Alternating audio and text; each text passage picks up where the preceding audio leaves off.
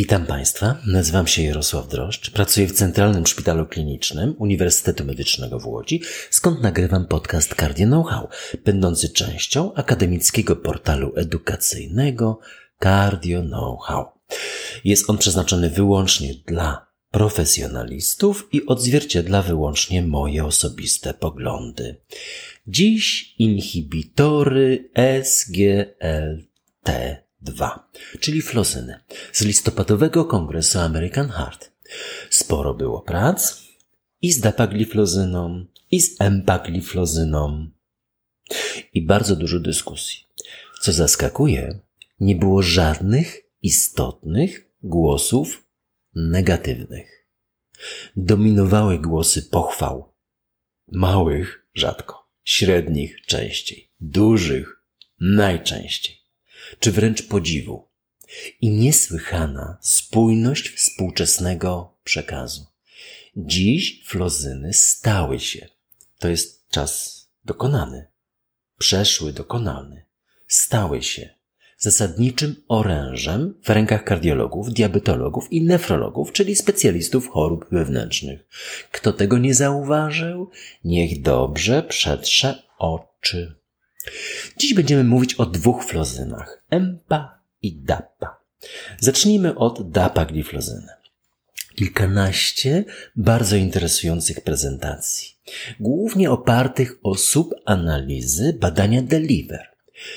Pamiętacie Państwo, frakcja wyrzutowa powyżej 40 i objawy kliniczne niewydolności serca z NT-proBNP, czyli takie HF, PEF i HF-MRF, a także połączone populacje Deliver i DAPA, obejmujących pacjentów z niewydolnością serca niezależnie od wartości frakcji wyrzutowej. I właśnie te analizy pozwalają na uproszczenie przekazu dla lekarzy. Cytuję siebie zresztą, ale zawsze. Istnieją niepodważalne dowody na skuteczność flozyn u wszystkich pacjentów z niewydolnością serca i każdą, nawet tą nieznaną jeszcze, frakcją wyrzutową. Oznacza to, że echo przechodzi na kolejny etap drogi naszego pacjenta. Wcześniej jest włączanie leków. Leków ratujących życie. Zlecajcie Państwo echo. To ważne badanie. Wyjaśnia etiologię, stan zaawansowania choroby, wiele szczegółów, ale najpierw leki. Kto zamieni tą kolejność, ryzykuje życiem pacjenta. Zacznijmy od najnowszego typu analiz wyników badania Deliver. Z prezentacji Scotta Salomona z kongresu ESC pamiętacie Państwo zasadniczą grafikę ilustrującą pierwsze występujące powikłanie z tej zasadniczej grupy dwóch analizowanych stanów śmiertelność lub zaostrzenie niewydolności serca. 610 tych niekorzystnych zdarzeń w grupie leczonej klasycznie zostało zredukowanych do 512 zdarzeń w grupie leczonych dapagliflozyną. Aż 98 zdarzeń mniej, a dokładniej Oznacza to o 11 zgonów mniej i o 87 mniej zaostrzeń niewydolności serca. Razem 98. Liczba wyraźnie istotna statystycznie. Zapamiętujemy 98. Czy to jest prawda? No, bo co by było, gdybyśmy analizowali wszystkie zaostrzenia, także te powtarzalne, drugi, trzeci, czwarty, piąty, dwunasty raz i wszystkie zgony także te następujące po zaostrzeniu niewydolności serca. W oryginalnej analizie badania Delivers ESC nie zostały one włączone do publikacji, co było całkowicie zgodne z założeniem i praktyką badań klinicznych. Analizowano tam jedynie pierwsze zdarzenie. Otóż liczba wszystkich zgonów wśród populacji leczonej klasycznie no oczywiście placebo zamiast dapagliflozyny, wyniosła 261, a w grupie z dapagliflozyną 231, o całe 30 mniej. Zaostrzeń odpowiednio 796 i 500 84. To aż o 212 mniej. I to jest prawdziwa ilustracja skuteczności działania dapagliflozyny. Łącznie zdarzeń było o 242 mniej, czyli o 30%. Jedna trzecia. Z grafiki prezentowanej na American Heart można zauważyć dwa elementy. Pierwszy. Krzywe narastania wszystkich powikłań, zgon, zaostrzenie niewydolności serca. Każde. Rozchodzą się wcześniej, to wiemy, i z każdym miesiącem oddalają się od siebie. Z każdym miesiącem przyjmowania leku rosną wymierne korzyści. 14 miesięcy jest lepsze od 12, 100 miesięcy lepsze od 90 i tak dalej. Flozyny stosujemy zatem bezterminowo, a wygranymi są ci, którzy rozpoczną terapię teraz, dzisiaj mając wyraźną przewagę nad tymi, u których lekarz przepisze je za miesiąc. Oczywiście ci, którzy będą mieli lek od dzisiaj, przegrywają z tymi, którzy lek mają od wczoraj. I druga sprawa. Ta przewaga wyraża się wysokością bezwzględnych 3,5%. O tyle bowiem w bezwzględnych liczbach spada odsetek powikłań z 15,3 na 11,8. To prawie czterech pacjentów na 100. To bardzo dużo, jak na tą groźną, śmiertelną chorobę. Z tej samej pracy wynika znakomity, korzystny i istotny statystycznie wpływ leku na pacjentów z BMI powyżej 30. To już bardzo elitarna i grupa, i grupa leków, która działa w tym schemacie. No, oczywiście każdej analizowanej podgrupy. Przeczytam Państwu głośno pierwsze zdanie podsumowania tej prezentacji. Kolejne groźne powikłania niewydolności serca są częste i można im zapobiec. Druga analiza. Jak działa dapagliflozyna na jakość życia? Poprawia ją istotnie, to wiecie Państwo, niezależnie od wpływu na kliniczne powikłania. Ale może działa pozytywnie tylko w pewnych zakresach frakcji wyrzutowej. Może u tych pacjentów, którzy mają wysoką frakcję, powiedzmy 65, supranormal, działa słabiej. Albo w ogóle. No nie. Mocniej mocniej, silniej poprawia tu jakość życia. To zaskakujące, ale bardzo, bardzo ważne klinicznie. Wartość frakcji wyrzutowej nie powinna w jakikolwiek bowiem sposób wpływać na decyzję o podaniu tego leku. Wręcz, gdy myślimy o jakości życia, specjalną populacją odnoszącą największe korzyści są ci z bardzo dobrą funkcją lewej komory, funkcją skurczową, rzecz jasna. Artykuł jest w trakcie publikacji w Jack. Trzecia analiza. Palec serdeczny. Który to jest? No ten z obrączką. Hmm? Oraz mały. W moim schemacie wielkiej piątki. Oznacza to antagonistę aldosteronu i flozynę. Poprzednie to Państwo pamiętacie. Diuretyk, beta-adrenolityk i inhibitor konwertazy bądź ARNI. No a może wystarcza tylko jeden z tych dwóch ostatnich. Na przykład na początek wielka czwórka. Nie. Ponad 40% pacjentów z badania Deliver miało także przepisany lek antagonistę aldosteronu. W Polsce jest więcej. I jakie uzyskano wyniki? Spodziewacie się Państwo, że antagonista aldosteronu zredukuje korzyści wynikające z dodatkowego leku flozyny? Nie, wręcz odwrotnie. U tych bez MRA, bez antagonista aldosteronu, przewaga dapagliflozyny wynosi 14%, a u tych leczonych MRA 24%. 10% więcej. Te leki mają addycyjny korzystny wpływ. 1 plus 1 równa się 2,71. To tak z moich obliczeń. Wielka piątka zatem, a nie tylko czwórka. Czwórka to o 70% gorzej niż piątka. To różnica między 14% poprawy a 24% poprawy po inhibitorach SGLT2. To także moje dziecinne podejście do statystyki. Ale wizualnie atrakcyjne. Może chociaż takie połączenie osłabia nerkowe korzyści flozyn. No nie, są identyczne, korzystne niezależnie od tego, czy mamy czwórkę, czy mamy piątkę. A może ciśnienie spada nadmiernie? gdy kojarzymy flozyny z antagonistą aldosteronu. Ciśnienie w tej grupie, gdy mamy oba leki, spada o połowę milimetra supertenci.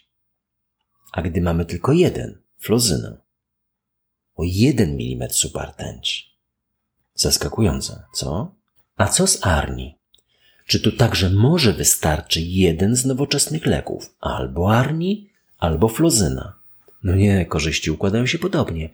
Przewaga flozyn nad placebo o 18%, gdy Arni nie ma i aż o 26%, gdy Arni jest w naszym armamentarium pacjenta zestawie leków. A może ciśnienie spada nadmiernie, gdy kojarzymy flozyny z Arni? Boicie się Państwo tego? No nie jest znowu, wręcz odwrotnie. Ciśnienie spada o 1 mm subartenci po fluzynie, gdy arni nie ma, ale rośnie o połowę milimetra subartenci, gdy oba leki sobie towarzyszą. Jest trochę miłych zaskoczeń, prawda? Link do pełnej publikacji jest w transkrypcie. I ostatnia z analiz. Jak wpłynął COVID na skuteczność dapagliflozyny w Deliver? Żadnego, żadnego efektu. Identyczne korzyści. A zwrócę Państwa uwagę, że aż trzy czwarte badania obejmowało ścisły okres pandemii. I identyczne korzyści przed i w trakcie. Co ważne, gargantuicznym wysiłkiem badaczy pandemia nie wpłynęła na raportowanie zdarzeń i utrzymanie pacjentów w obserwacji. Dumny jestem z tego i się kłaniam nisko wszystkim polskim badaczom. Zrobiłem to już mailowo i osobiście, dwukrotnie. Pierwsze miejsce w rankingu liczby włączonych chorych 572 i żaden pacjent nie zaginął. Wszyscy odbyli ostatnią wizytę. Ogromnym wysiłkiem. Brawo! Jedna kwestia przyciągnęła moją uwagę. Ilu pacjentów chorowało na COVID w okresie prowadzenia badania? No, raportowano tu, że 10% pacjentów. Pewnie więcej, ale raportowano 10%. Połowa z nich przechodziła to ciężko. A ilu zmarło? 31%. 31%, szanowni państwo, to śmiertelność w COVID u chorych, którzy mają objawy niewydolności serca, ale mają także zachowaną funkcję lewej komory. Niektórzy jeszcze uważają, że funkcja lewej komory determinuje przyszłość chorych. No nie, objawy kliniczne. Jest niewydolność serca? To źle. Nawet jeśli frakcja wyrzutowa jest powyżej 40, powyżej 50, powyżej 60%. Ryzyko zgonu zależne od COVID. Zatem w badaniu Deliver u pacjentów z niewydolnością serca i zachowaną funkcją lewej komory rośnie jak? 22 razy. To ważna obserwacja, gdyż Deliver reprezentuje największe z badań klinicznych epoki pandemii. Największe. Nie ma większego. Nie ma pełniejszej obserwacji naszych pacjentów podczas ostatniej pandemii. I dwie subanalizy obu badań łącznie. DAPA-HF i Deliver. 11 tysięcy pacjentów z niewydolnością serca niezależnie od frakcji. Każda, każda postać. Jakie korzyści odnoszą Afroamerykanie? Dla nas to dość odległy emocjonalnie temat, ale dla naszych amerykańskich braci i sióstr już nie. Mówiłem już o Ku Klux Klan, tu mieszka miłość Katarzyny Surmak-Dormańskiej. Nie wiem, czy mówiłem, spojrzę. Jeśli nie mówiłem, będę mówił. To nie jest książka historyczna. Wracamy do tematu. Nie wszystkie leki działają tak samo skutecznie u rasy czarnej. Przykłady obejmują inhibitory konwertazy, sartany, beta-adrenolityki, wybrane i hydralazynę. A rasa czarna oznacza większe ryzyko powikłań wielu chorób, w tym niewydolności serca. I 11% populacji amerykańskiej badania Deliver miało inny niż biały kolor skóry. Akurat dokładnie 11% miało kolor czarny. O ile większe ryzyko było powikłań w tej grupie? 20-30%. No jak to zilustrować? Posłuchajcie Państwo. Biały reprezentant Stanów, nieleczony flozyną, ma podobne ryzyko powikłań jak Afroamerykanin leczony flozyną. Oczywiście u tego pierwszego, białego, podana flozyna obniży to ryzyko o 27%. Zatem najgorzej rokuje Afroamerykanin, który nie jest leczony flozyną. Efekt rasy i efekt niewłaściwego leczenia. Moja przedszkolna statystyka mówi 63% gorzej niż biały Amerykanin leczony flozyną. Kalkulacja jest moja ułomna, ale przedstawia wizualnie istniejącą przepaść. Flozyny obniżają także ryzyko niezależnie od rasy i ryzyko klinicznych powikłań, zgon lub zaostrzenie serca i poprawiają jakość życia. Statystycznie podobnie, ale numerycznie w obu przypadkach nawet bardziej. Flozyny u Afroamerykanów przynoszą więcej korzyści niż u białych przedstawicieli Stanów Zjednoczonych. Nieistotnie statystycznie. Pamiętacie to Państwo? Przedwczoraj miałem Men of Color w gabinecie. No i posłuchałem miłego uchu African American. A różnice między kobietą a mężczyzną w aspekcie korzyści flozy niemal identyczne. Istotne i identyczne u przedstawicieli obu płci, niezależnie od frakcji wyrzutowej. Tu miła informacja dla pań, które stanowiły 35% badanej populacji. Dużo, jak na badanie kliniczne.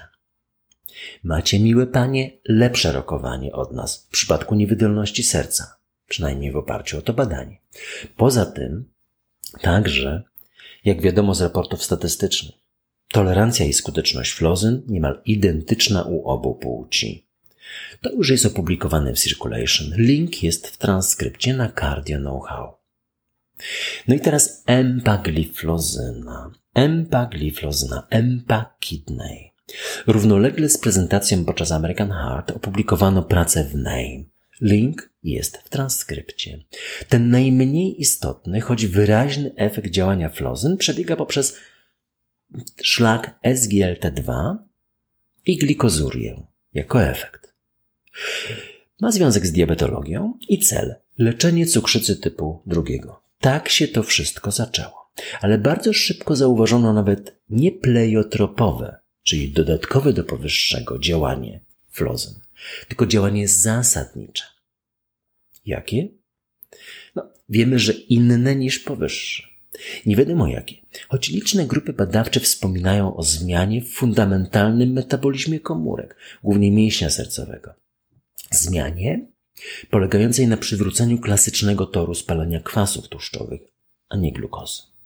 Wymiernym efektem tej zmiany jest odwrócenie niekorzystnego remodelingu lewej komory. A jak działają flozyny na nerki? Wpływając na hiperfiltrację, a już chciałem powiedzieć hyperinflację. Efektem jest ochrona nerek, ale wyrażona jest ona dwufazowo. W fazie pierwszej spada GFR, średnio o 4. Czy należy badać zatem GFR po włączeniu flozyny? Wiecie to Państwo. Nie, nie warto. Ale jeśli nawet ktoś miałby takie życzenie, to niech zapamięta. Im większy spadek GFR we wstępnej fazie leczenia flozyną, coś zupełnie naturalnego, tym skuteczniej ona będzie działać w przyszłości. Cieszmy się zatem, gdy GFR po podaniu flozyny spada w pierwszym miesiącu terapii. Po czterech tygodniach zatrzymuje się naturalny spadek GFR. I zatrzymajmy się tu na chwilę także. U każdego z nas spada GFR. U Państwa i u mnie. Jutro będzie niższy niż dziś, pojutrze jeszcze niższy i tak dalej. Nawet jeśli jesteśmy zdrowi, żyjemy według przykazań. Dwunastu. Bo pamiętacie Państwo, że dwunasty to brzmi utrzymuj stałą masę ciała przez całe dorosłe życie. Epizod 12. Czy kardiolog może walczyć z plagą otyłości? Każdy z nas z każdym dniem ma niższy GFR. Prawda? No nie do końca, bo nie każdy. Każdy z nas, kto nie przyjmuje fluzyny. ma z każdym dniem niższy GFR.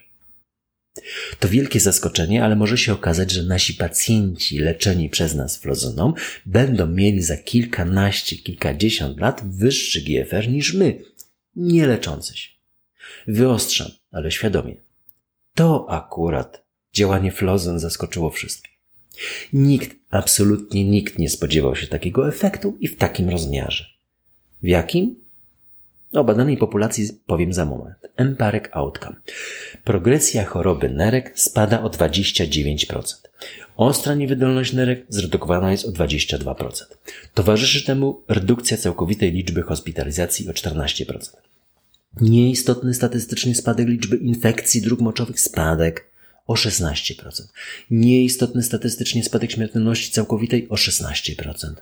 A grupę badaną Emparek Kidney stanowiła populacja pacjentów nefrologicznych z GFR 2045 bądź nieco wyższym 45-90, ale z UACR co najmniej 200.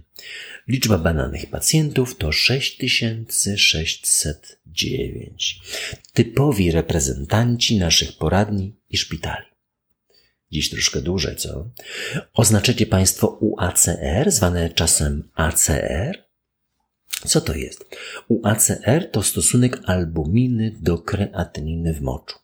Wystarczy kilka kropel moczu, aby dokładnie go zbadać.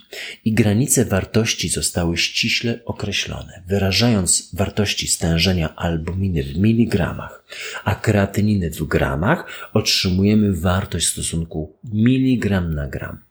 Już wartości przekraczające 30 mg na gram mówią o podwyższonym ryzyku sercowo-naczyniowym. Lekarze pytają, odpowiadam.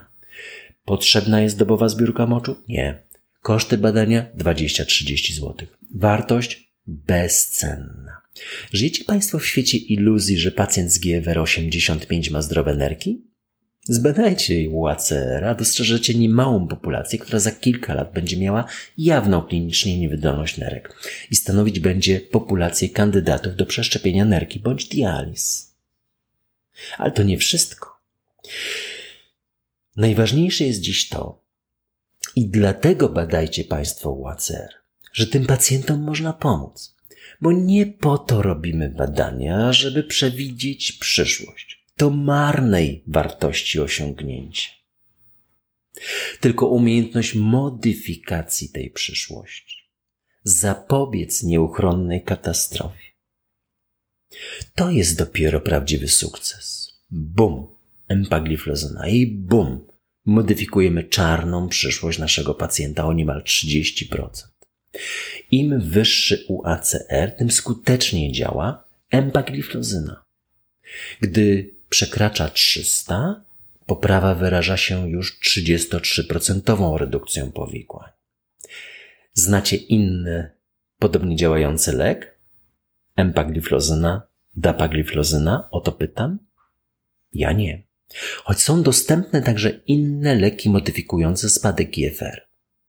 Inhibitory konwertazy, może nawet bardziej sartany, no i chyba najbardziej finereną. No ale to sobie zostawmy na inną okazję. I na koniec. Jaką liczbę pacjentów w Stanach Zjednoczonych flozyny są w stanie uchronić od zaostrzenia niewydolności serca? Tej dziś największej zmory wszechczasów? 250 tysięcy wśród populacji z frakcją powyżej 40 i dodatkowo 380 tysięcy tych, którzy mają frakcję niższą. Razem 630 tysięcy. No, obliczyłem podobne dane dla Polski. I wyszło mi w naszych szpitalach o 72 tysiące Polaków mniej i o 7 tysięcy przyjaciół z Ukrainy mniej w szpitalu z zaostrzeniem niewydolności serca w szpitalu i w poradni.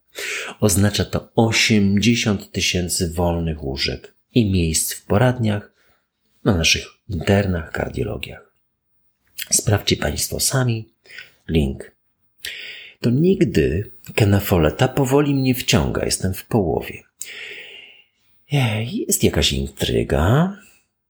No to potem autor, żeby zanadto to czytelnika nie męczyć, wyjaśnię to dokładnie w całym następnym akapicie, o co chodzi. No czuję się jak przedszkolaczek, ale czyta się dobrze. Y, zatem coś ze starych lektur. Około trzeciego roku medu, byłem jeszcze studentem, prawie wiek temu, wciągnęła mnie autobiografia Mahatmy Gandiego. Tytuł brzmi dokładnie Gandhi, autobiografia, dzieje moich poszukiwań prawdy. Nie pamiętam, z którego roku było moje wydanie. Nie mam go już, niestety. Dałem do biblioteki. Pamiętam do dziś bierny opór, proste życie, ciężka praca, miłość, choć ta miłość domowa dość szczególnego rodzaju. Takiej postaci jak Mahatma to nie polecam, ale miłość do rodu ludzkiego i Indii, a i owszem. Tak też widziałem Hindusów, jak podróżowałem po Indiach. Lektura obowiązkowa dla młodych. A jak się strzygł Mahatma, jak przyjechał do Londynu po raz pierwszy? No, to łatwe pytanie sam, nie? A czego nie opanował? No to też łatwe. Tyłu głowy. Coś mi to przypomina, jak zakłady fryzjerskie były zamknięte w, podczas pandemii.